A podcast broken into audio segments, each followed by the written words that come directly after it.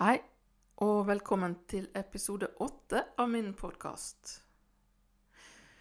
Denne gangen her har jeg snakka med livsstilscoach, programleder, forfatter og astrolog, blant annet, eh, Sofia Lea Kielland. Mange har kanskje hørt om henne fra før av. Hun hadde en TV-serie om kjærlighet, selvutvikling og astrologi på TV 2 for en stund siden. Og hun har også skrevet flere bøker om astrologi. Velkommen, Sofia. Du kan jo gjerne presentere deg hvis du vil. Hei, jeg heter Sofia Lea Kielland. Jeg jobber som astrocoach, rådgiver og livsstilscoach. Jeg har som bakgrunn eh, helse-, livsstils- og mindfulness-coach. Jeg har vært programleder, skrevet en del bøker.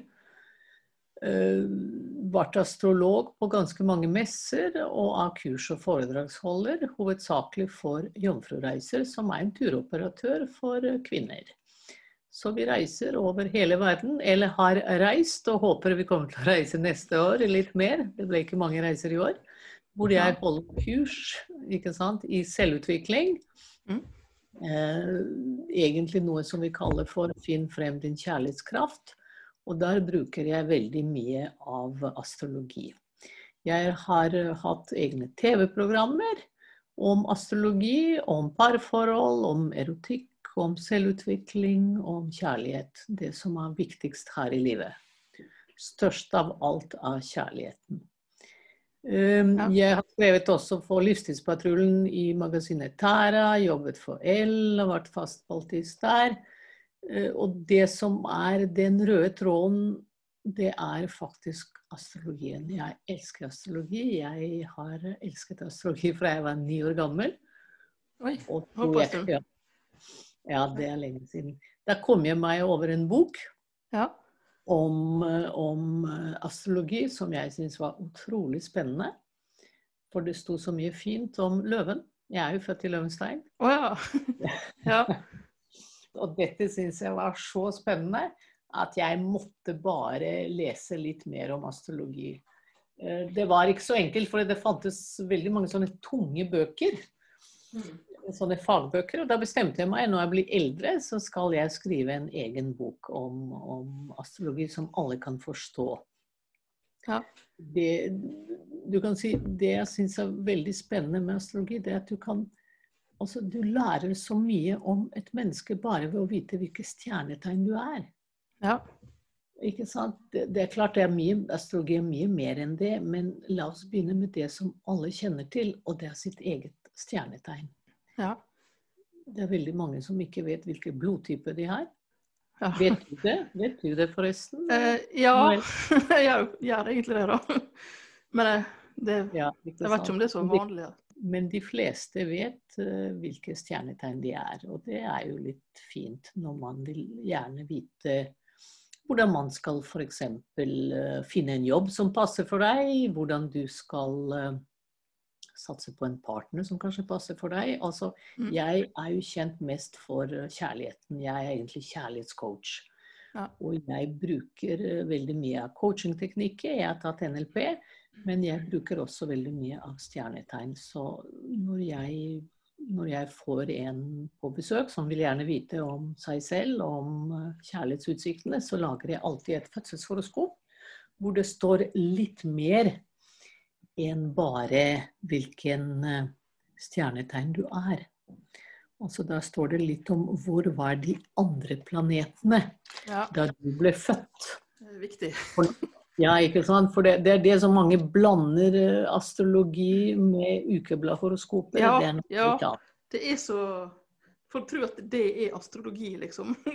Når det er så masse, masse, masse mer. Da det er liksom, ja, det er viktig å få fram, tenkte jeg. Ja, men det er bra. Horoskop er altså mye mer enn et stjernetegn, ikke sant. Ja. Eh, så hvis du vet nøyaktig når på dagen du er født, mm. så kan en astrolog lage fødselshoroskopet ditt og tolke det. Ja, hvor kan folk uh, finne fødselstidspunkt? Det er veldig lett. Du går faktisk Enten så går du på Helse Norge, Å ja. ja, og så går du inn med din ID. Og så leter du, og der har du pasientjournaler, der har du dine faste medisiner, der har du alt sammen. Og så må du bare gå videre og videre og videre, og du vil finne ut hvor det står diverse ting. Da vil du finne ut bl.a. når du var født, ja. på det stedet, ja, sykehuset. Hvis, ikke, hvis dette blir litt for tungvint, og det er ikke alle som liker å pløye gjennom eh, min ID og data og alt det der, så er det veldig enkelt. Det er bare å ringe kommunearkivet eller byarkivet. Så som her i Oslo, i Oslo hvor jeg bor, så kan jeg f.eks. ringe eh, på rådhuset, så ringer jeg Oslo kommune, og så ber jeg de om å sette meg over til Oslo byarkiv. Det er så enkelt. Ja. Så, og så sier Oslo byarkiv, for de har notert fødsler fra jeg tror helt fra begynnelsen fra 1900-tallet. Oi. Ja, det er jo greit for folk å vite. For det er så mange som sier de ikke vet, og de kan ikke finne ut uh, og, Ja, det, de ikke har klokkeslettet, da. Så det Altså, er nå en hvis, måte. ja, hvis du er født hjemme Ja. på en bondegård, ja, da er det Da litt må spørre- da må du spørre mor Ja, eller søsken. ja. Det er ikke så enkelt. den som er tilgjengelig. Ja. Det, det som er morsomt, det er, altså, det, er, det er at da du ble født på det stedet og på det tidspunktet, så var det ingen andre.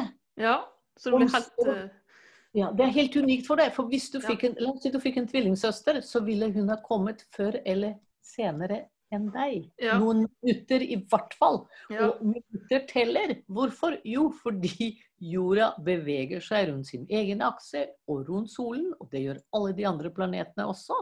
Mm. Og dette skjer så fort at vi faktisk merker ikke at jorda beveger seg. Verken rundt sin egen akse eller rundt solen. Og det er Ja. det som er litt, Så derfor er minutter viktig. Og derfor har vi eksempel, eksempler hvor det er f.eks. tvillingsøstre eller tvillingbrødre, eh, tvillingsøsken i det hele tatt, som kan være to helt forskjellige mennesker. Så det er viktig. Så når, som sagt, da du ble født, så var solen, månen og alle de andre himmellegemer i solsystemet vårt og det vet vel de fleste i Melkeveien at det er eh, Jeg skal kanskje nevne i tilfelle noen har glemt. Ja. Vi har jo sol og måne som er himmellegeme. Vi har jo Merkur som er ganske nærme. Vi har jo Venus og Mars og Jupiter og Saturn, Uranus, Neptun, og vi astrologer bruker fortsatt Pluto. ja. Til tross for at mange kaller det en dvergplanet, men vi bruker det. Så vi ser hvordan disse planetene beveger seg. Alle beveger seg rundt solen, for solen er jo sentrumet i i vår, eh, i vår eh, solsystem, selvfølgelig. Ja. Da går alle planetene rundt, og da beregner vi hvordan sto planetene i forhold til hverandre også. Mm. Og i forhold til solen da du ble født. Så husk, soltegnet er stjernetegnet ditt. Ja. Men vi må se hvor var de andre planetene, og hva betyr det ja. for deg. Ikke sant? Ja. Og det kan selvfølgelig eh, ta veldig lang tid, så jeg vet ikke om vi skal gå så mye i detaljer. ja um, sånn som eh, ascendanttegnet, det er veldig viktig. Den er veldig avhengig av når på dagen du var født. Ja. Ikke sant? Og ascendanten er egentlig noe som jeg ikke viser så mye hensyn til når man blir litt mer voksen. OK. Og grunnen til det er at jo eldre du er, jo mindre er du ascendanten din. Å ja. Faktisk, du blir, fordi når du, er, når du er barn, så er du veldig preget av ascendanten din. Å Det er slik jeg ser på det. Husk, vi er veldig mange astrologer, og vi tenker selvfølgelig annerledes. Ja, ja. Men jeg personlig ser ikke så mye på ascendanten sånn med det samme, i hvert fall eh, når det er voksne mennesker. Fordi som sagt, du er mye mer ditt eget soltegn. I hvert fall i forhold til personligheten din. Men ellers vil ascendanten alltid representere personligheten og hvordan andre opplever deg. Ja. Ikke sant? Jeg er jo f.eks.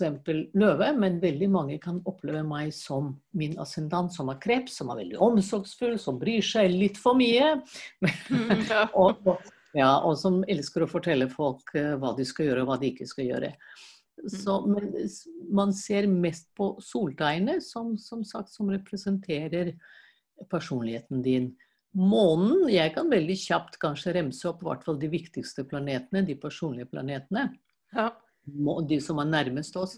Månen representerer veldig ofte barndommen din, følelsene dine, og folk blir jo veldig overrasket når de kommer til meg og sliter med et eller annet, og så ser jeg hvordan månen er plassert i forhold til de andre planetene, eller hvor den befinner seg.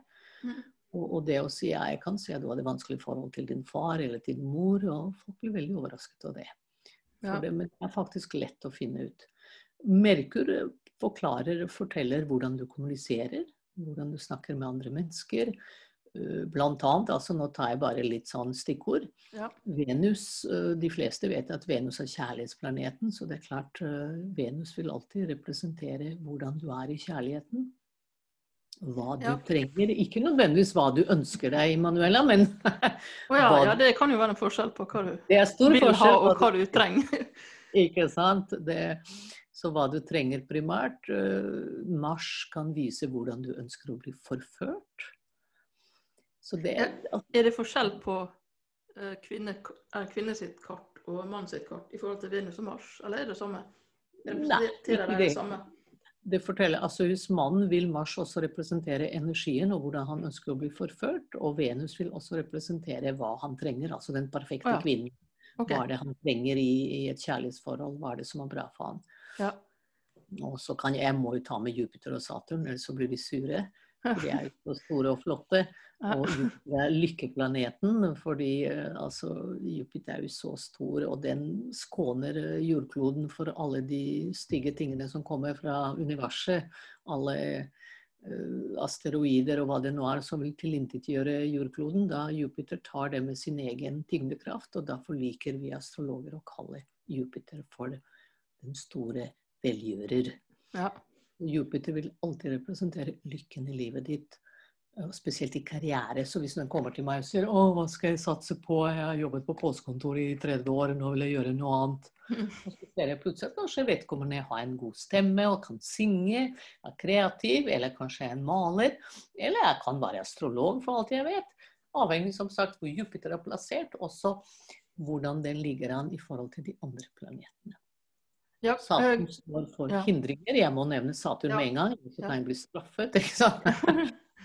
ja, fordi Saturn er den strenge læremesteren som Ja. forteller oss eh, hvordan vi skal eh, utøve selvdisiplin, og, og hvor hindringene i livet står. Men jeg må si at de fleste som kommer til meg, de de vil vite om kjærligheten, altså. For de vil oppleve den store kjærligheten. Ja, og de vet ikke hvor du skal finne den. De feil, får feil partner. Og, og, ikke sant? og hvordan skal jeg vite om han er riktig eller hun, og hva vedkommende liker, trenger, ønsker. ikke sant? Og derfor er det fint å vite hvilke stjernetegn av vedkommende er født i.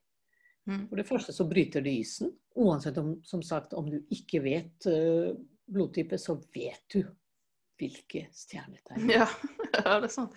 De fleste gjør det. Og det kan fortelle deg mer enn lange samtaler om musikk, sport, politikk eller hva det nå er. Ja. Det som er litt artig, det er at hvert eneste stjernetegn erobres på forskjellig måte. Mm. Ikke sant? Og det er det som er fint, at det jeg kaller for astrologiens forførelseskunst, den kan virkelig hjelpe deg i, i den søken, f.eks. som du har etter et lykkelig kjærlighetsforhold, og hvem er det som ikke vil ha det? Mm. Ikke sant? Ja. Så det er det som jeg eh, bruker primært astrologien, å finne ut hvem du er, hvilke behov du har i parforhold, i kjærligheten generelt, eh, hva det passer for deg, hva som ikke passer for deg, hvordan du skal gå frem, hva du skal gjøre, hva du ikke skal gjøre. Mm. Så det er eh, Det er ikke noe stor hokus pokus. Det er bare å vite hva er det de fleste står for. vi De har, altså du ser, bare ved å se hvor stjernetegnet ditt er, så vil du vite veldig mye om de basisbehovene i et parforhold. Mm. Du har jo f.eks. væren og skorpionen. de søker jo lidenskap. Dyrene og vekten, de er jo veldig sensuelle. Det skal Mm. mye til å, å møte en tyr som ikke er sensuell, for å si det sånn. Ja. Ja, Tvillingen og jomfruen veldig ofte liker å bli forført mentalt. Altså de trenger intellektuell stimulering. Mens krepsen f.eks. Eh, søker trygghet. Viktig å føle seg trygg på sin partner. Vi løver vi må ha beundring. Det er ikke noe hemmelig, altså. Anerkjennelse og beundring, det er viktig, altså. Mens skytten, som selvfølgelig som er halvt skytte og halvt menneske, elsker eventyr. Er veldig eventyrlysten og selvfølgelig uavhengig. Mm. Eh, Mens eh, stenbukken er materialistisk, er jordnær, har masse ambisjoner. Ikke sant? Vannmannen er uberegnelig og eksentrisk. Mens Ja. Fisken er kjemperomantisk og veldig mystisk. Så bare der har du allerede noen stikkord å vite hvordan du skal gå frem. Enten for å forføre noen, eller for å vite selv hm, hva er det jeg egentlig trenger. Å, Mm. så jeg er en følsom fisk, ja. Så jeg er romantisk. Mm, jeg trenger noe mystisk. Jeg trenger en spennende partner. Hvem er det som er mystisk? Hvem kan passe for meg? Ikke sant? Og da blar du deg gjennom og ser på de andre hvordan de er. Å, kanskje jeg vil ha en lidenskapelig skorpion, eller jeg vil ha en sensuell tyr. Ikke sant? Det passer jo Mm. veldig bra på fisken, f.eks. Så det er det som er viktig her. Det er å se hvor er tiltrekningen. Hvordan to mennesker kan virkelig passe for hverandre. For det er det vi ønsker i parforhold. Så ønsker vi lange og lykkelige parforhold. Ja. Du vil ikke bare ha utfordringer. Selvfølgelig man må ha vokse Ja, ja, du må ha bli noe litt å vokse på. Ja, men det kan bli ganske slitsomt. Ja. Du vil gjerne ha en som forstår deg, en som dekker dine behov og forventninger. Det er faktisk nøkkelordet for at et forhold skal bli lang og lykkelig. Det er å finne ut hva er det partneren din trenger, og Mm. ha respekt for partnerens behov. Ja. Og prøve å dekke det i den grad det er mulig. Mm. Og det er. Men samtidig, selvfølgelig, eh, astrologi er et veldig sterkt verktøy for å få et større innblikk i deg selv. Ja. Og dine muligheter for å lykkes i livet generelt. ja. Det er nesten like mye en kunst som en vitenskap. Ja. Og et filosofisk verktøy, egentlig. Ja, Finne ut på alle områder. Så du kan si astrologi er egentlig bevisstgjøring. Ja. Det er, jeg kaller det kjærlighet til deg selv. Ja. Kjærlighet til dine verdier og ressurser. Fordi da finner du ut hva er det som egentlig passer for meg. Hvem, hvem er jeg? Hvilke ressurser, hvilke sterke sider har jeg? ja. Det er jo alltid nyttig å vite Ja. sånn at know, know thyself, ikke det i Ja, på det gamle På Delphi, hva heter det, der hvor det På Ja. tempelet i Delphi så sto det 'menneske, kjenn deg selv'. Ja. Ikke sant? Og det er klart, dette var idealet som menneskene har kjempet mot i to, tusenvis av år. Mm. Og det er noe så enkelt som at faktisk astrologi kan vise deg veien. Hvordan du kan bli bedre kjent med deg selv, dine omgivelser, dine relasjoner. Men også dine muligheter i livet.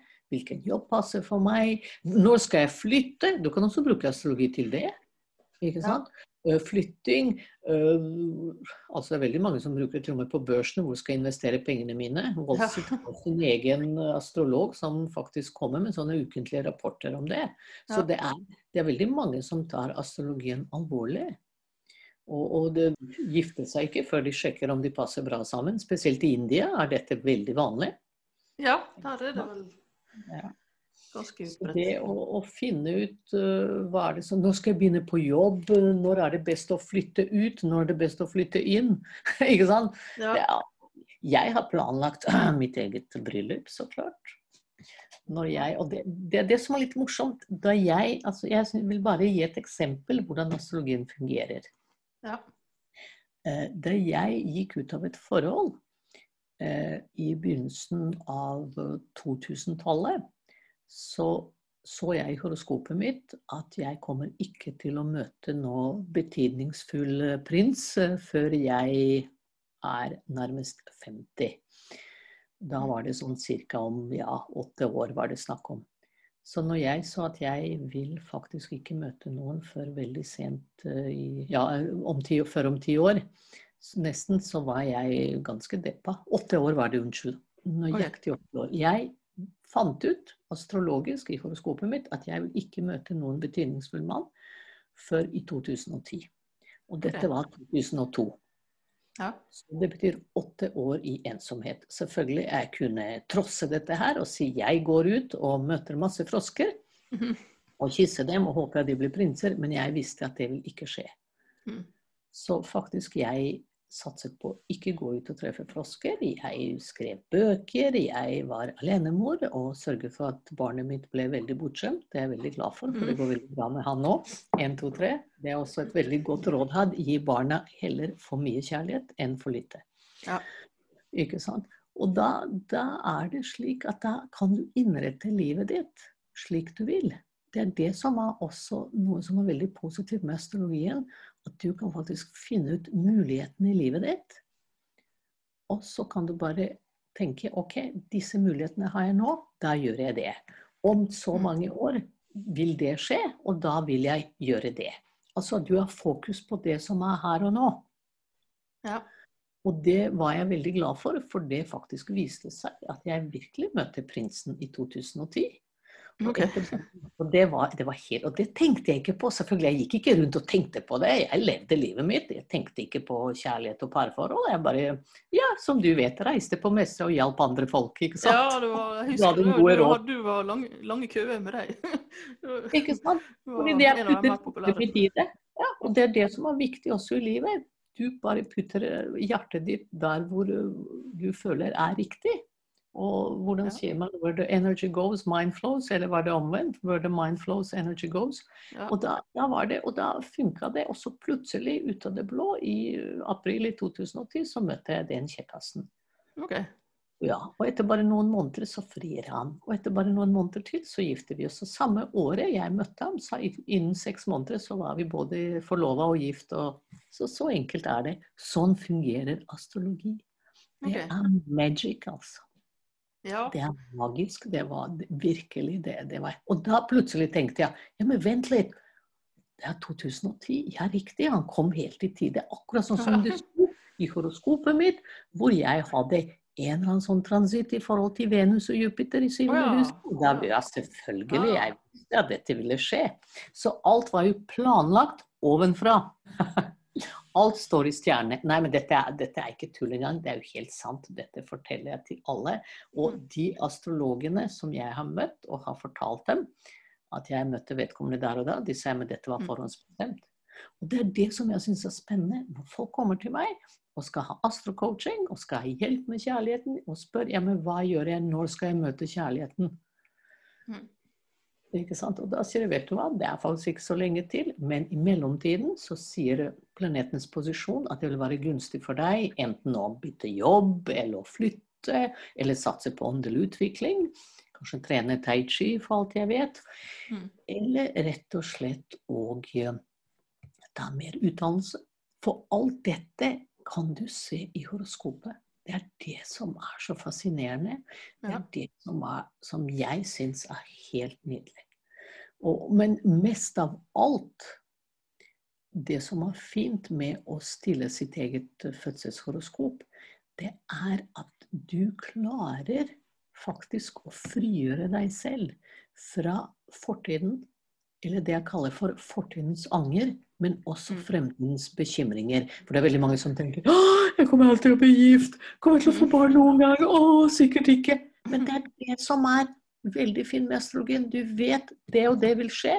Du mm. tar styring, ikke bare over livet ditt, men også over tankene dine. Det er det som ødelegger oss mest, det at vi tenker og grubler. Mm. Men her er du på en måte til stede med alle sansene dine. Du vet hva som foregår. Du finner glede i hverdagen, for du vet det vil skje. Og da vil du få det livet du ønsker. For også, Manuela, når du innstiller deg på at det blir slik, så blir det slik. Når du putter energi i noe, Ja. Så skjer det. Hvis du bestemmer det nå kommer jeg til å spise sunnere, så Mm. spiser du sunnere. og Da ser du resultater ut av det. Nå skal jeg begynne å trene, så begynner du å trene. Og da ser du også resultater av det. Mm. Ikke sant? Det er det som er så fantastisk. ja. Der fri vilje spiller inn. Fri vilje er utrolig viktig. Så, men det er klart, du må kunne vite litt Mm. om deg selv. Du må kunne vite litt hvem er jeg? Og hvordan Ja. skal jeg finne tålmodigheten? Ja. eh, Men i forhold til et, Eller hvor mye tror du av, hvis du skal si, hvor mye som er skjebnebestemt, og hvor mye som du har av fri vilje, så du kan styre sjøl, da? Altså alt, alt Jeg tror at uh, man kan se alt i stjernene. Stjernene viser veien, uten tvil. Men faktisk, livet ditt er i dine egne hender. Ja.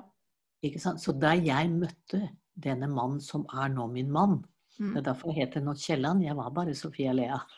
Ja, ja, ja. Når, når jeg møter herr Kielland, vet du, en vitenskapelig lidenskapelig vær som passer meget bra med en, eh, med en løve, Wow. og, hvor hans, hvor hans Altså min Venus lå i første huset hans, ikke sant. Men det skal vi ikke snakke om. Ja, ja, men det var Ah. nydelig. Jeg kan få tårer i øynene av. Men OK. Da Ja.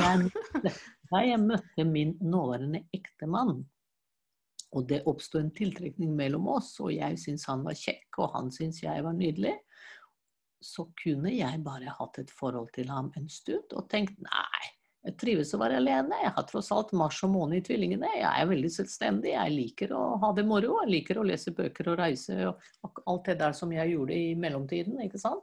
Mm. Men nei, jeg bestemte meg faktisk å si ja når han fridde til meg. ja. Jeg kunne ha sagt nei. Det er, det er akkurat det. Så du velger selv. Og når jeg ser at folk har mulighet å få en fremtid med en partner, men de kan velge det bort. Mm. De kan velge å være alene, eller de kan velge på å satse på en som ikke passer for dem, for de liker utfordringer. Veldig mange skorpioner gjør dette av en eller annen merkelig grunn. Oh. Ja, de, de er sånn, de liker ikke å ha det lett, skjønner du. En skorpion Å ja, ja. en Ja, skorpion må Liker å Enig? litt. ja, faktisk. Til og med i fødsel. Ofte du hørt folk som ble født på vanskelige måter. Ofte har sterk skorpion i kartet, Ja, ja, ja. kanskje små måneder eller sånt. Det er litt sånn interessant. Mm, Helt fra de blir født, liksom. Så Ja, ja. Kjempe. De liker å ha utfordringer, skjønner du. For det er utfordringer. Det, det gir dem litt sånn, hva skal jeg si, glød. Det får dem til å føle at livet er herlig. Å ja. Ja, ja, ja. Det er livet er verdt å kjempe for. Skorpioner liker ikke at ting kommer lett. De blir mistenksomme. Prøv å gi kompliment til en skorpion. ja. Jaså, hva mener du med det? Mm. Hva er du ute etter? Lurer på hva motivasjon du har. Ikke sant? Men gi kompliment til en vær eller en løve. Jeg er helt Ja, løve. Ja. Ikke å snakke om fisken. Åh, det smelter. Bare smelter. Så det som jeg syns ville vært spennende nå, som jeg tror mange lyttere lurer på Ja, men vent litt nå. Kan ikke du fortelle sånn veldig kjapt, da? Hvordan skal jeg forføre en var, jomfru, løve, tyr, hva det nå er? Hva skal jeg gjøre? Mm. Så kanskje jeg skal fortelle litt hva er det de setter pris på? Hva Ja. er det de vil? Ja. Sånn litt kjapt. Ja. Er det greit? ja. Ja, Trenger jeg å fortelle når disse stjernetegnene er født, eller? Eh, Nei, det kan folk finne ut.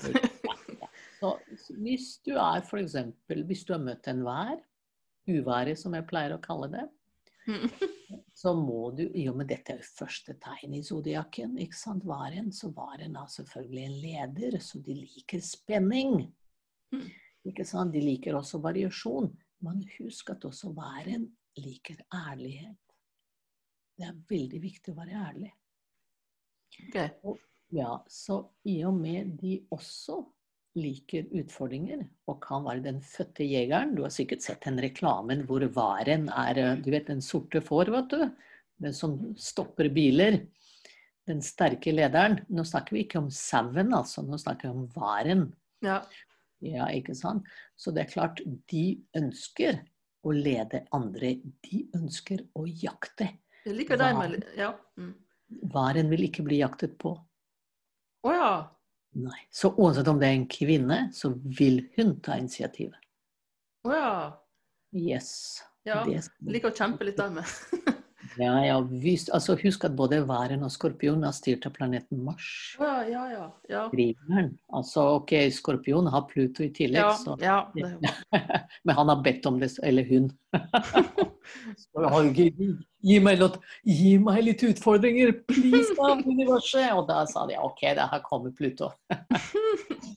Men så altså, væren vil ha en eh, partner som er likesinnet. En som er smart, en som har humor. En som stadig pirrer nysgjerrigheten deres. Og det som de elsker mer av alt, det er å le. Så hvis du kan få væren til å le, så har du hver mann eller hver kvinne i lomma di. OK. Så enkelt er det. Ja. Tyren derimot er ute etter trygghet. Tyren vil ha det trygt, stabilt og veldig komfortabelt. Jeg Mm. må si, De gangene jeg har besøkt noen av mine venninner som har tyrer, jeg har virkelig storkost meg hjemme hos de. De har myke puter, de har Ja, ja, de, har, de lager god mat. Det, det er sånn soft music. Altså, det er, alt er så komfortabelt og behagelig. Mm. Men det som er med tyrer, de kan være ganske trege. Ja. Ja, se på tyren, ikke sant? Sånn.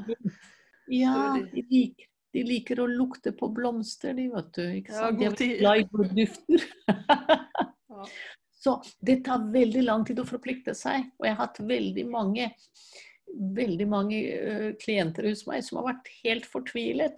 'Jeg har møtt Tyren, nå har vi vært sammen i seks år. Hun er ikke fridd, eller han er ikke fridd, eller hva gjør jeg?' ikke sant? Hvor lenge skal jeg vente? Vi har ikke flyttet sammen engang! Tyren er konservativ. Tyren er treg. Utholden. Ja. Nei, det Når jeg først eh, ja, de først har bestemt seg, ja, de, de venter. Men det som er til gjengjeld, så kan tyren være veldig sensuell. Ja. Men ikke forvent mirakler, for tyren har lite fantasi. Okay. Det må, de er ikke fantasifulle. De er ikke det. Men de er som sagt til gjengjeld sensuelle og utholdende.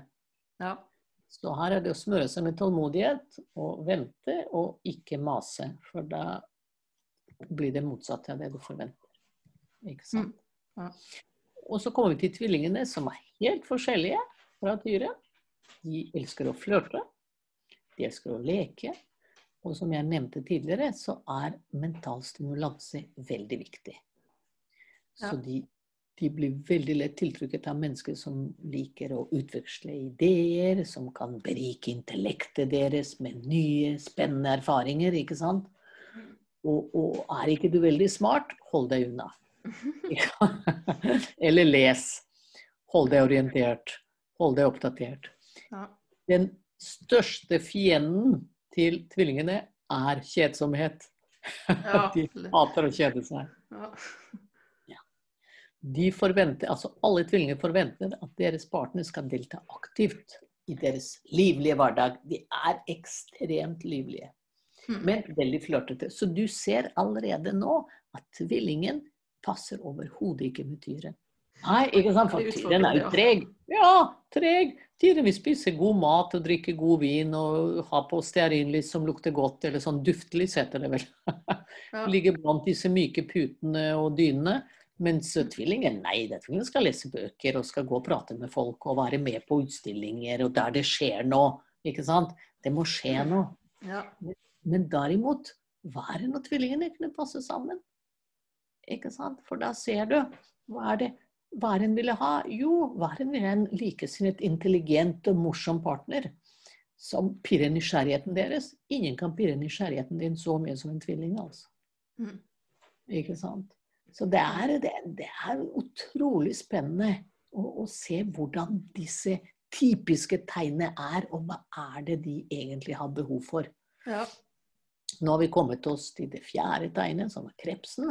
Og krepsen er jo bare vennligheten selv, vet du. De er så hjelpsomme, de er så omsorgsfulle. Så vær så snill, møter du en kreps, og du vil vekke interesse hos vedkommende, kom med et problem. Ja. Ja, ja, ja.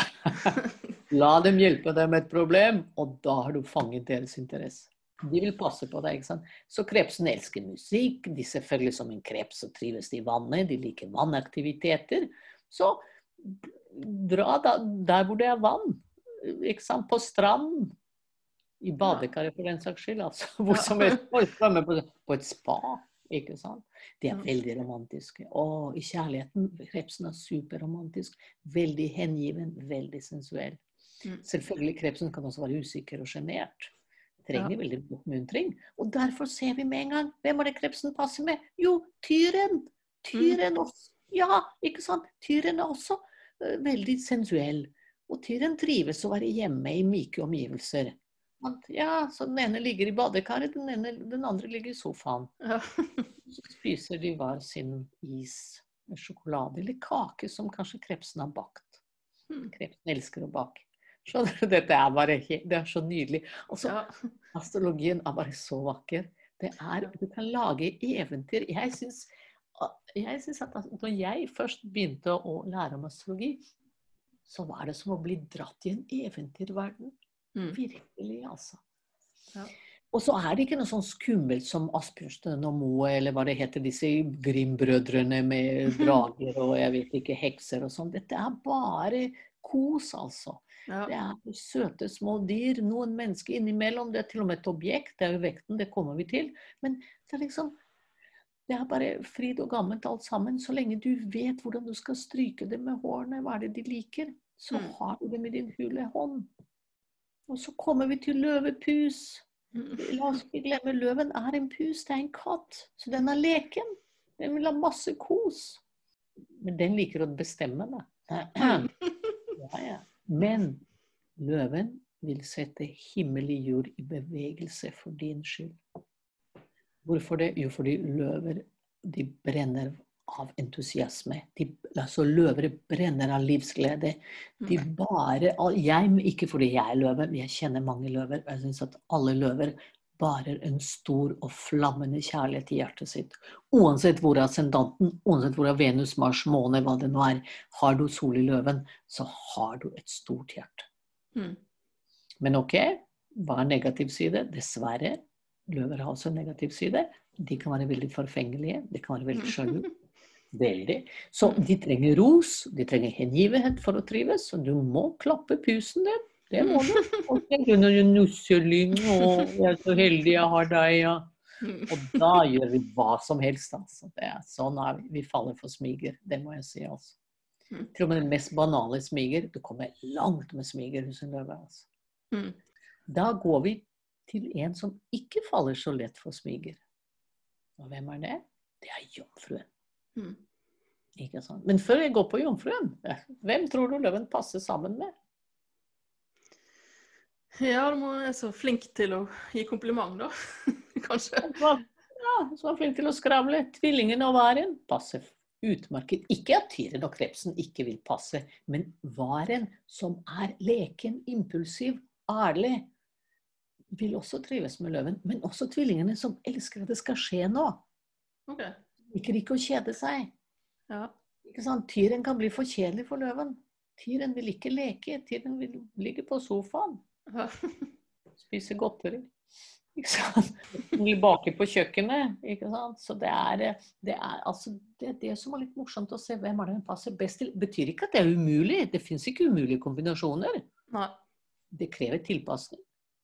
Ja. Løven liker ikke å tilpasse seg. Nei, ikke akkurat så kompromiss er ikke den sterkeste siden til løven, kanskje. Nei, det kan de andre gjøre, ikke sant? Ja. Jomfruen. Vi nå går det videre til jomfruen, som er trygg, omsorgsfull. Så uten tvil passer veldig bra både med tyren og krepsen.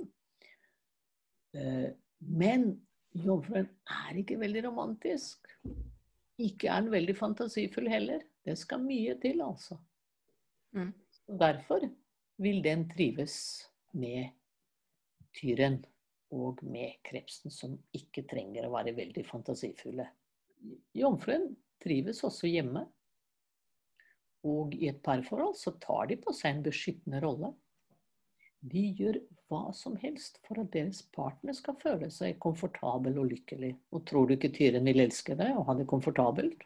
Mm. Ikke sant? Og krepsen vil elske å være lykkelig og noen som passer på.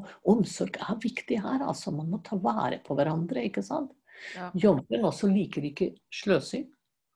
Er litt sånn veldig, veldig forsiktig med penger. Veldig økonomisk av seg, pleier jeg å si. Og da vil i hvert fall løven holde seg unna jomfruen, for løven elsker å bruke penger. Så det er jo veldig artig å se hvor forskjellige vi mennesker er, bare ved Ja. at vi har en forskjellig stjernetegn, altså. Ja. Så nå går vi videre til den skjønneste av alle tegnene, syns jeg, og det er fordi min sønn er født i vektens tegn. Ah, Ja, men vekten er jo superromantisk. Det er ingen tegn som er så romantisk som vekten. Den er både fantasifull, øm og har masse romantikk i blodet. Og Mm. derfor passer de veldig bra med f.eks. løven og tvillingene og væren. Okay. Ja, selvfølgelig. De liker også smiger. De faller lett for smiger, så kan tenke deg en løve og en vekk. De bare smyger hverandre hele veien, ikke sant? Ja. De liker også stryt, men de liker ikke krangling. Ja, så vekten passer utrolig bra også med væren, som er varm. For vekten vil ha en partner som er varm, som er sjarmerende. Vekten er såpass romantisk at den virkelig vil møte kjærligheten med stor K. Mm. Men vekten er også veldig kresen og er litt sånn, ja, hva skal jeg si Altså, de blir veldig lett tiltrukket av vakre mennesker. De er veldig opptatt av skjønnheten, både innvendig og utvendig. Og de kan være veldig flørtete. Og hvem har de det til felles? Jo, med tvillingene. Ja. Så faktisk tvillingene og vekten vil også være en veldig bra match. Ja. Og, det, det er, og de liker også å bli mentalt stimulert. Altså vekten liker å ha en partner de kan prate med i timevis og diskutere alt fra politikk til været i Sibir, ikke sant. Mm.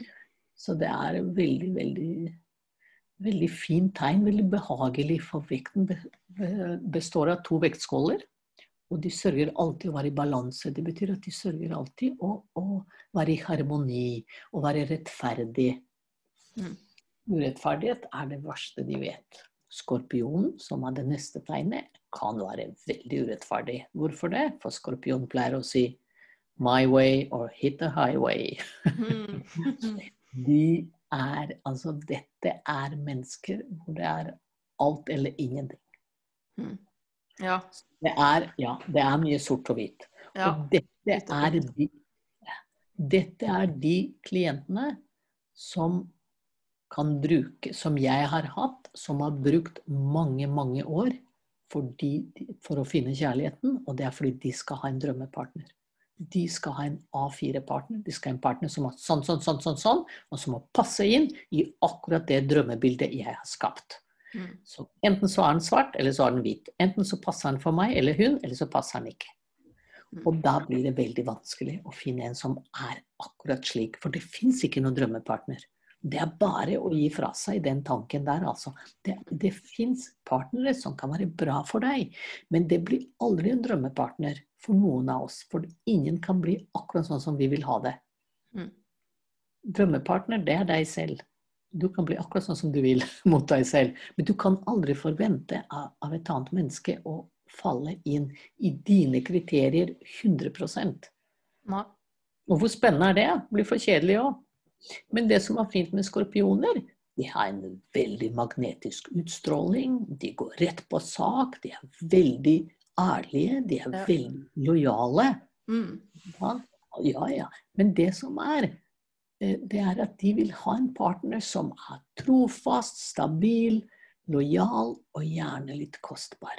Men det er ikke så lett å finne en sånn. Ikke sant? Samtidig så er det viktig, hvis du har en partner som er skorpion, vær så snill, ikke spill noe skuespill. Nei. da gjennomskuer. Åh, oh, de ser tvers gjennom deg. De er sånn røntgensyn. Ja. Sånn innebygde bullshit-detektor, eller hva du kaller det. Ja, det sånn. Og ingen kan være så mistenksom og så fryktelig sjalu Ja. Men Har du fått en skorpionpartner, så har du en lojal partner for livet. Så derfor vil skorpion passe veldig bra med krepsen. Mm. Og jomfruen. Og også tyren. Men ikke med den flørtete tvillingen eller den dominerende løven eller væren som liker å være nummer én hele tiden. Eller vekten som faller lett for fristelser og er litt flørtete. Det funker ikke. Det vil ikke funke, i hvert fall på lang sikt. Det skal mye til. Da må det være mange andre planeter i horoskopet som er bra. Ja, det kan hjelpe på. Ja. Men det å være med en tyr som sørger for et komfortabelt hjem. Og trygghet, og det samme med, med krepsen, som elsker hjemmehygge og som er veldig omsorgsfull, og jomfruen som er så pliktoppfyllende og så ordentlig, så er det faktisk perfekt match. Jeg må si at erfaringen jeg har hatt av de partnerne som passer best for skorpioner, det er faktisk jomfruen. Okay. Og jeg tror grunnen til det kan være at jomfruen er perfeksjonist. Ja. Og Å ja. skorpion elsker perfekte Å mennesker. ja, oh, ja. De streber mot det som skorpionen ønsker. Ja. Det er det nærmeste en skorpion kan få av en perfekt partner. Det er faktisk jomfru. Okay. Det er morsomt, altså. Veldig morsomt. Det kan du tenke litt Ja. når du har noen venner eller klienter selv som er i de forskjellige tegnene. Disse to er alltid en veldig bra match, det må jeg si. Nå går vi videre til skytten, som er ganske så forskjellig fra skorpionen. For skitten er jo faktisk veldig flørtete og veldig Mm. leken og har masse humor. Kjempemorsom. Altså betyr ikke at skorpion ikke har humor, men den er kanskje litt mer tørr. Ikke sant? Ja. Skorpion kan være tørrvittige. Men skitten er utrolig leken. Det er, dette er morsomme mennesker. De elsker eventyr. Men Mm. de er litt redde for å binde seg. Og det er faktisk ingen tegn i hele zodiaken, som altså i hele horoskopet, som verdsetter friheten så høyt som Mm. skytten. ja. De blir, de blir, ja? De blir kjempenervøse når partneren begynner å snakke om ekteskap og evig troskap. ja. Noen kaller for uh, ungkarstegnet. Ja. Riktig. De galopperer videre. Husk skytten er halvt menneske, halvt hest, ikke sant? Mm. Det er bare OK, I'm out of here. Hvor er døra? Så vær forsiktig. Er du begeistret for en skitte? Ja, ikke begynn å mase om ekteskap. ja. Vent litt med det. Det er ikke så viktig for dem. Nei. De liker, de, altså de liker sin frihet. De liker å kunne bestemme over hvor de skal gå, og hva de skal gjøre. Mm. De elsker f.eks. friluftslivet, og de vil gjerne ha en partner som også elsker friluftslivet, som er også leken. De hater sjalusidrama. Så tenk deg en stakkars skitte ender opp med en skorpion. Det går ikke an. De kommer til å ta livet av hverandre. Ja. Jeg tror faktisk skytter kommer til å trampe over skorpionen, men skorpionen kommer til å stikke skitten med gift, ikke sant? Sånn som skorpioner har i halen. Og da er skitten farlig. Men det er også skorpion, men det gjør ingenting. De har vunnet begge to. Skjønner du? Nei, så det som er viktig å vite her, det er med en skytte at skytte vil ha en lekekamerat. Vennskap er veldig viktig for dem. Veldig. Så de vil helst ha en kompis som deler deres interesse, eller det de kaller på engelsk 'friends with benefits'. Ikke sant? Og det, da vet du hvis vennskap er viktig for deg, hvis det er det du vil ha, så er skitten bra for deg.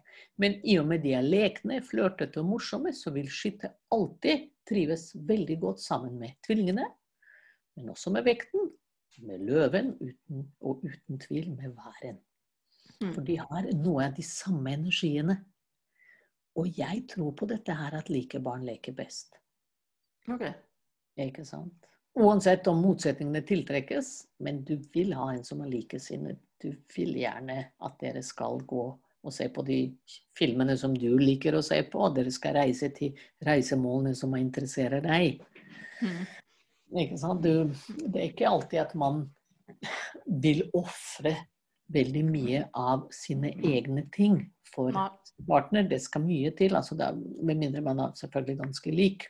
Derfor er likheten, likhetsprinsippet er viktig når du matcher to mennesker. Mm. Så det å matche en skytter med en stenbukk selvfølgelig, vil også ikke fungere. Hvorfor det? Jo, fordi stenbukken vil også ha stabilitet. Mm. Stenbukken er trofast, faktisk. Veldig trofast, veldig stabil. Så det er, Men greit, det er ikke mye romantikk inni lufta her heller, så da får det være nok det er du som må ta ansvaret for det. Hvis det er det du vil ha. Ikke sant? Så det er klart, stenbukken er ikke så lett til å vise følelser. Og ikke er den særlig flink til å koble ut jobb og forpliktelser. De blir bedre med alderen, uten tvil. Men derfor vil stenbukken passe veldig bra med en skorpion. For skorpion vil ha respekt. Selvfølgelig skorpion vil respektere en som har ambisjoner og som jobber mye og vet du kan stole på stenbukken, fordi han eller hun jobber sene timer. Er ikke ute og flørter med andre. Og stenbukken trives veldig godt med tyren, som liker hjemmekomfort. Eller krepsen, som elsker å være på kjøkkenet og lage mat. Mm. Eller jomfruen, som er en perfeksjonist, som er ordentlig og liker å passe på masse omsorg og vil hjelpe og råde deg med ting og tang på jobben, hva det nå er. Så det er eh, Altså, alle tegn kan velge mellom flere andre tegn, hvor de vil virkelig føle at de er hjemme. Mm. Ikke sant? Det vil Stenbukken vil ikke føle det hos en løve.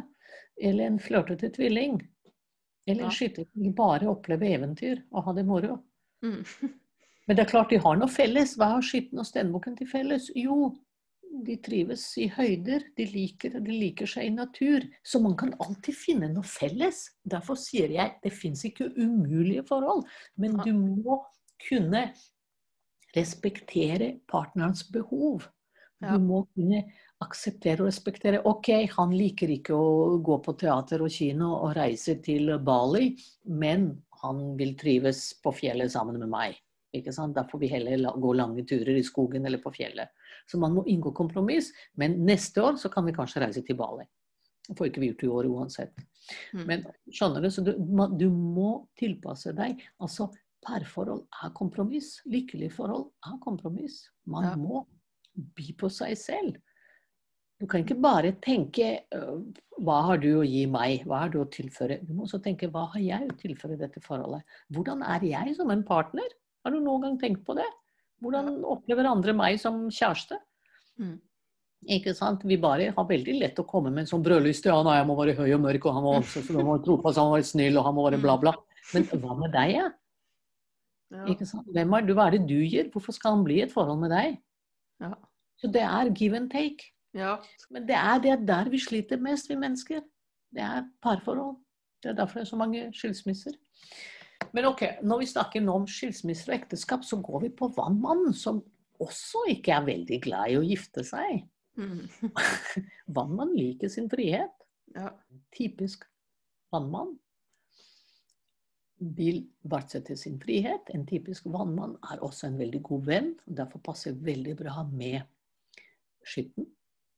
De verdsetter vennskap og ærlighet veldig høyt. Derfor vil de også passe med væren, som er veldig ærlig. ikke sant? Mm. Det som er fint med vannmannen, det er at de har veldig sterk intuisjon. De er veldig nysgjerrige også på hva du tenker, hva du føler. Og Mm. hvem passer de da med? Hvem er det som tenker veldig mye? Jo, det er tvillingene, men også vekten. Så, ikke sant? Du ser med en gang hvem er det de passer sammen med. Mm. Men det som er veldig viktig her, det er at du må aldri bli skremt hvis du føler at partneren din kan lese tankene dine, for det gjør nemlig vannmannen. Ja, de har intuisjon uten like. Det tror jeg har litt med Uranus å gjøre, men det får vi ta i neste podkast. Hvis det blir noe neste. Del to. Ja. Så du kan si du kjeder deg aldri sammen med en vannmann. Og derfor vil vannmannen alltid trives med skytten, og med vekten, og med tvillingene, og med løven, og med væren. For her er det veldig mye likt. Mm. Og så kommer vi til den siste, som er fiskene. Fiskene er det tegnet som vil helst ikke oppleve et kortvarig eventyr. Men heller selvfølgelig et veldig langvarig, forpliktende, altså virkelig eventyrlig kjærlighetsforhold.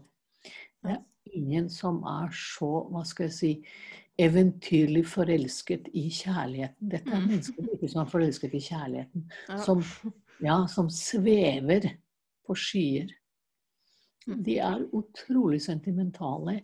De er kjærlige, de er sjarmerende, de er følsomme. Og de, de kan være så selvoppofrende at de vil gjøre sitt absolutt beste for å la dine drømmer bli virkelige. Dette er det siste tegnet, ikke sant? Så det betyr det romer i seg alle de andre tegnene. Så de vil ofre seg for alle de andre. De passer med alle tegn. Å ja. Ja, de gjør det. Fordi de, altså fisken vil tilpasse seg. Det er det som er så fint med fisken. Den vil tilpasse seg, tilpasse seg og bli akkurat det du vil. Så lenge du elsker den. Ja. Så lenge du gir den kjærlighet. Altså, det er jo så, så følsomt og så romantisk. At du vil aldri finne noen som kan elske deg på den måten en fisk kan elske deg. Så dette, dette Altså, jeg vil avslutte med fisken, fordi det er selvfølgelig siste tegnet også, men også med å si fordi kjærligheten er så viktig. Det er Kjærligheten er det som gjør livet så spesielt og vakkert. Altså, nå ble jeg så rørt av dette her at Ser du, jeg er blitt helt rød i ansiktet. ja. Ja, og det er, det er fordi jeg blir så ivrig når jeg snakker og, Ja. om astrologien og om kjærligheten. Ja. For det, det som er Altså, i og med jeg avslutter nå, Ja. så vil jeg veldig gjerne si at kjærlighet er det viktigste i livet. Det er Mm. det som gjør livet verdt å leve. Det er klart du kan si det kan være kjærlighet til barn, til dyr, til astrologi, men også kjærlighet til deg selv. Du må vite hvem du er. Du må vite hva du har å tilby. Du må vite hva er det som er viktig for deg. Hva er det som gir deg glede. Mm. Og derfor kan astrologi være et veldig flott verktøy som kan hjelpe deg til å finne ut hvem er du, hva trenger du, og hvordan du kan dekke dine behov og forventninger. Men selvfølgelig også det som jeg gjør mest av alt, det er kjærlighetscoaching eller astrocoaching, hvor jeg kan ut ifra horoskopet ditt se hva er det du trenger, hvordan du kan få dine behov til å bli møtt. Hva er det som skal til, og eventuelt også når. Ja. Og hva er det du selv kan gjøre for å få det du ønsker deg, og det du trenger. ja, før i tida var det astronomer og astrologer. Det var ofte En og samme ting. Ja. Galileo, Det var- Newton, Kepler. Eh, Det er jo litt interessant. Tycho bra. Tycho bra, uten Ikke sant? Han var jo også Han var i hvert fall mest eh, eh, hva skal jeg si, mest kjent til oss i Norden, fordi han jobbet jo på den, for den danske kongen. Eh, Han var både astronom og astrolog.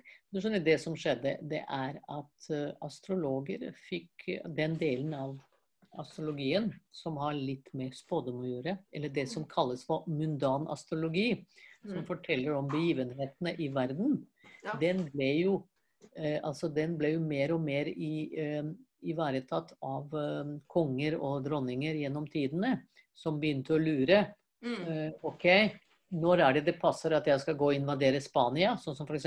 Elisabeth den første sa til sin astrolog John Doe. Mm. Og så sa han ja, det er best å invadere Spania, da er det da og da, men etter det så skal ikke du gjøre sånn og sånn. Og så viste det seg at det stemmer.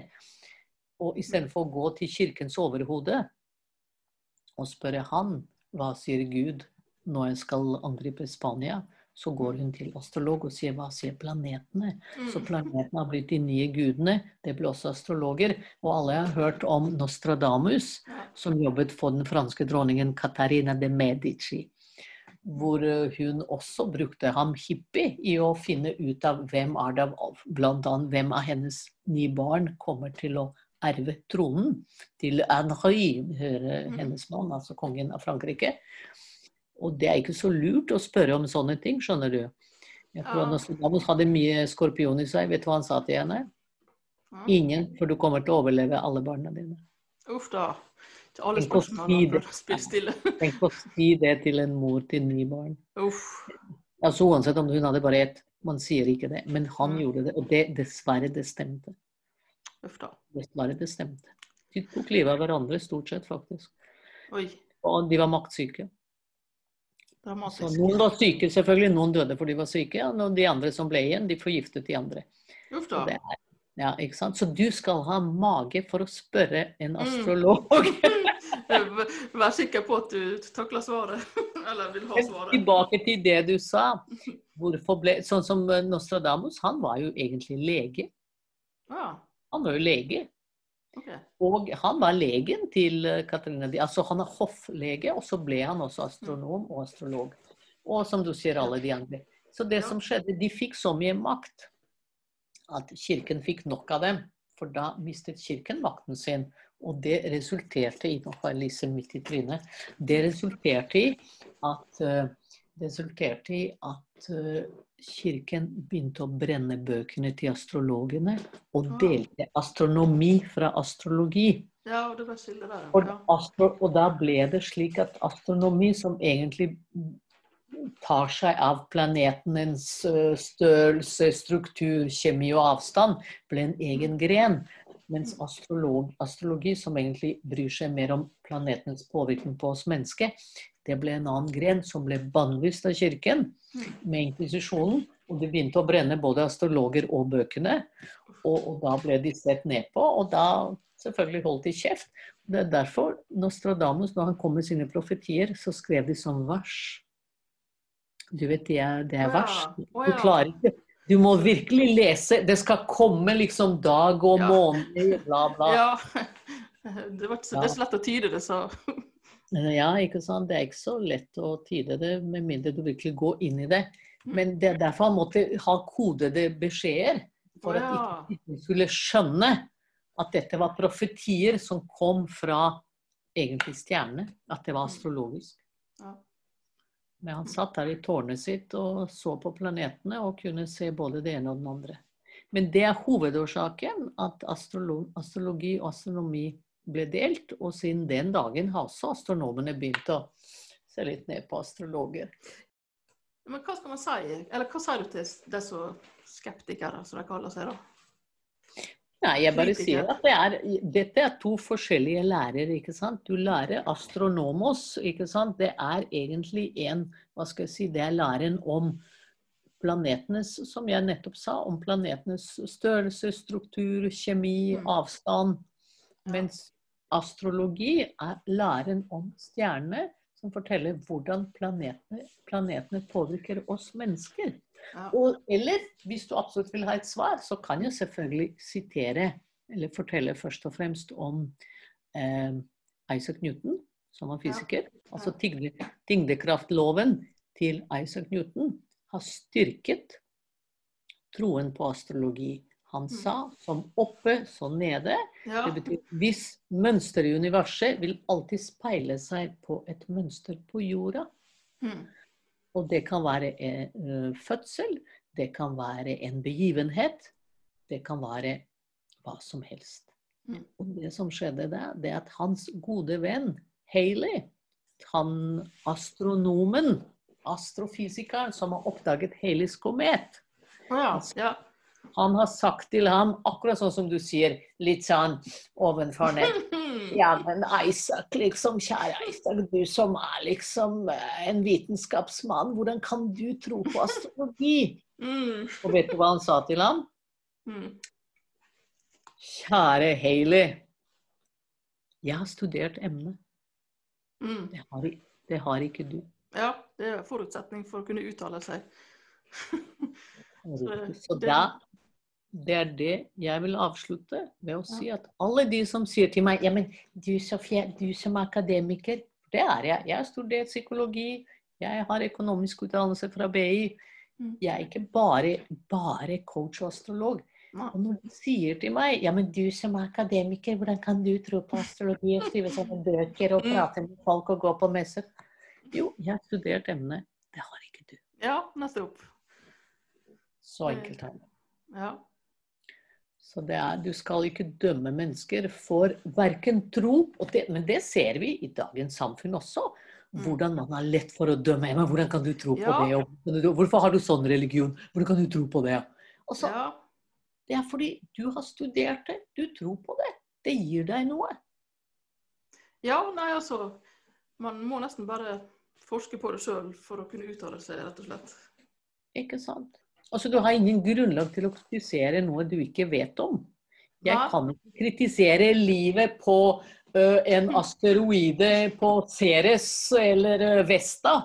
Uh, jeg kan ikke det. Hvorfor det? For jeg har ikke vært der. Liksom... Ikke peiling. Ikke har jeg lest om det heller. Jeg vet ikke hvordan de ser ut engang. Hvordan kan jeg si. «Øh, Jeg tror ikke på det. Tror ikke på det. Ja, nei. Og så er det, hvis du er, hvis du er vitenskapsperson, så skulle han tro at du var nysgjerrig, da. Og Ikke utforske? Ting. Ja, Det, det, det er liksom, det er litt motstridende, da. Ja, Det er litt rart. Men det er det. det. Man skal ikke tenke sånn som kvadratisk. Man må åpne opp og se. Altså Husk, for mange år siden så trodde vi at jorda var flat. Det er fortsatt noen som gjør det. noen er der fortsatt. det. Men, men vi vet bedre. Vi kan bevise nå med satellittbilder. Og det er For mange år siden så visste man ikke at det var skadelig å røyke, så leger satt på legekontoret og røyka. Vi visste ikke bedre.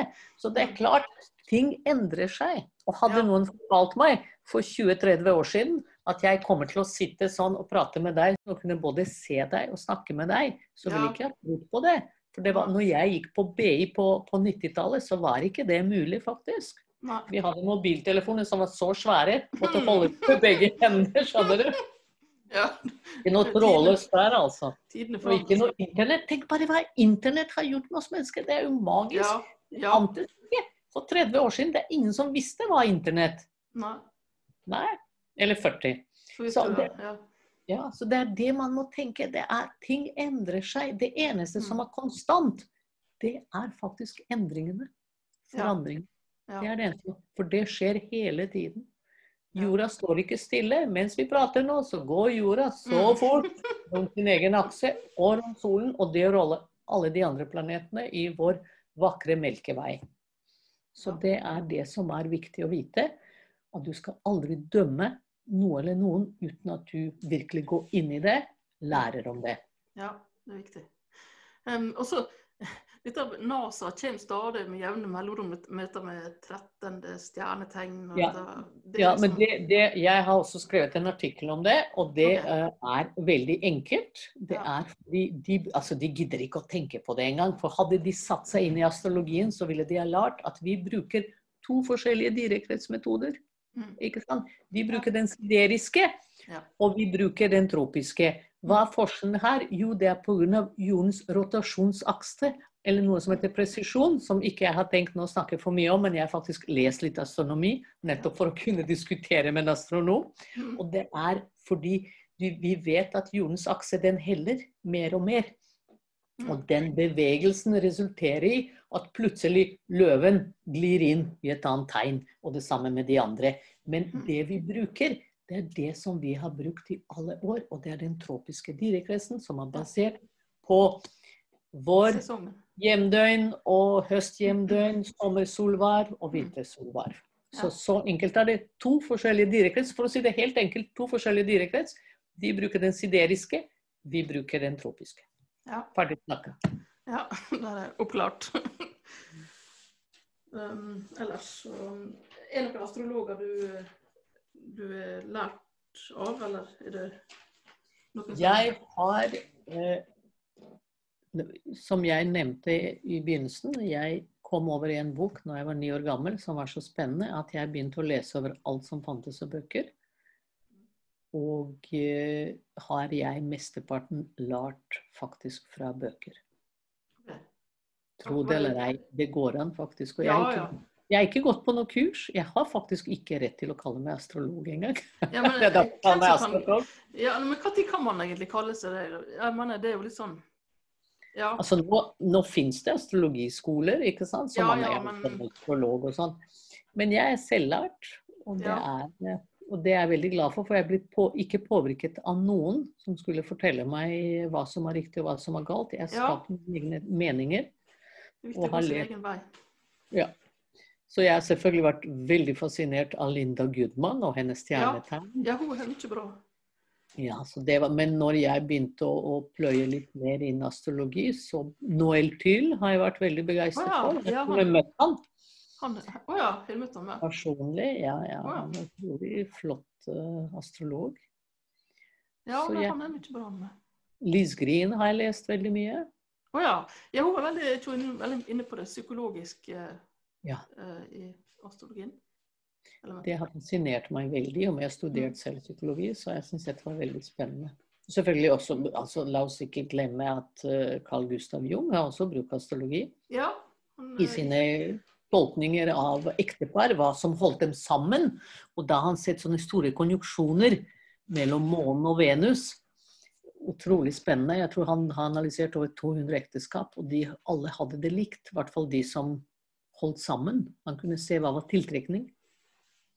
Ja. Så det er, det er mye, mye magi man kan finne i, i astrologien hvis man går dypt nok og ser på det som en lære. Ikke som ukebladhoroskoper. ja, det, ja, det, det er ukebladhoroskopene som har ødelagt for Mm. seriøse astrologer. Ja, egentlig. Det er litt dumt, da. At folk tror at det er Men hvis, skal, hvis folk sier at ja, er ikke det det som er astrologi, da? Hva, hva sier man da? Nei, det er ikke det. Det er underholdning. Ja, Det er underholdning. Og det er klart, en gang så kan det stemme. Det er ikke sånn som du vinner sju i Lotto. Ja.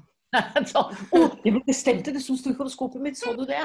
Men, det blir veldig sånn- Det blir så grovt forenkla, liksom. Det, Så det er tilfeldigheter som stemmer. ja, altså.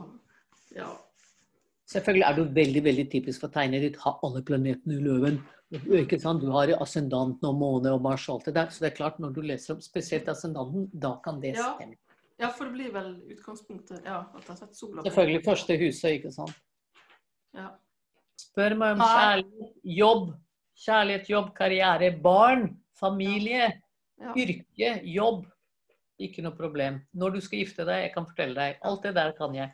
Men ikke spør meg om politikk, er død og fordervelse og sånn. Nei, liksom litt sånn Ja. Prøve å være litt positiv, kanskje. Litt mer sånn hensiktsmessig bruk av astrologi, kan du si. Det, men som sagt, det er jo, husk, dette er ting du kan påvirke selv, som vi har snakket om nå. Det ligger i stjerne, men det er opp til deg om du vil ta den med deg, eller om du vil Ja. bare sitte og se på det. Ikke sant? Ja, man, livet ditt er i dine hender. ja. Man har fri vilje. Det Ja. husker jeg fortalte deg når jeg møtte deg i Ålesund. Jeg var overrasket hvor mange evner du har. Husker du jeg sa det til deg den gangen? Å ja. Jo. astrologi. Og så begynte jeg å følge deg litt. Jeg fulgte deg en periode, for det var veldig mye sånn fin astrologistoff på Facebook. Å Og ja. så sluttet du med det, og så begynte det litt andre ting å dukke opp. Å ja. Og så nå begynte jeg å se litt hva du sender en del fine ting. Men nå er, nå er det litt flere ting. Men det var en, ting, en periode hvor du var veldig spirituell. ja, nei, jeg flytta over på astrosida. Mest sånn astroting. Astro Manuela heter den. Jeg vet ikke om du vet. Ja, ja. Så der, jeg poster litt mer sånne ting der, da. For ikke Ja, jeg prøver å skille litt. ja, hva slags gruppe er dette? Nei, det, det er Facebook-side Astro Manuela, den. ja, men det må jeg, kan jeg følge den? Ja. Hva kalte du den? Eh, Astro Manuela. Astro Manuela? That's it? Ja. Ja. men så artig, da. Dette var jo hyggelig. ja Og så følger jeg deg på Medium, vet du. Jo da. Du skriver der, ikke sant? I hvert fall Ja. hvis jeg tar med sånne spørsmål. Kanskje jeg skal stille noen spørsmål? Ja, Nei. Du Ja, men jeg, jeg, liker, jeg liker når du skriver litt om planter og steiner, og det syns jeg det har jeg veldig sansen for. Å ja, ja, du det. Ja, ja jeg, skriver litt sånt. Så. Men det var hyggelig at du tok deg tid. Det var veldig koselig. Det var veldig koselig å snakke med deg. Ja, du er veldig sånn engasjert når du snakker. Veldig sånn, veldig bra. Veldig løve. vet. Flink å formidle, syns jeg, da. Du burde hatt et eget program, du, Jen. Jeg, jeg fulgte med på dette Sofias eh, erotiske astrogreier. Ja, var ikke du baby, var ikke du baby den gangen? Nitt- jeg kan tro det var ikke 90-tallet eller 90-tallet en. Ja, ja, midten av 1995 var det. Du var ikke gammel i kroppen i 95. Var du født da? jo, jeg var nok Ja, men du var helt lik deg selv. Jeg husker deg fra den gangen. Du er Ok. Ja. Det er bra. Ja, du har i Var det tvillingene, eller? ja! Og. Mars. Ja. Ja, ja. Ja, derfor er du flink å formidle. Ja, ja, ja. Veldig naturlig sånn antrekk for Og så har jeg Merkur i løven. Å ja! Å ja.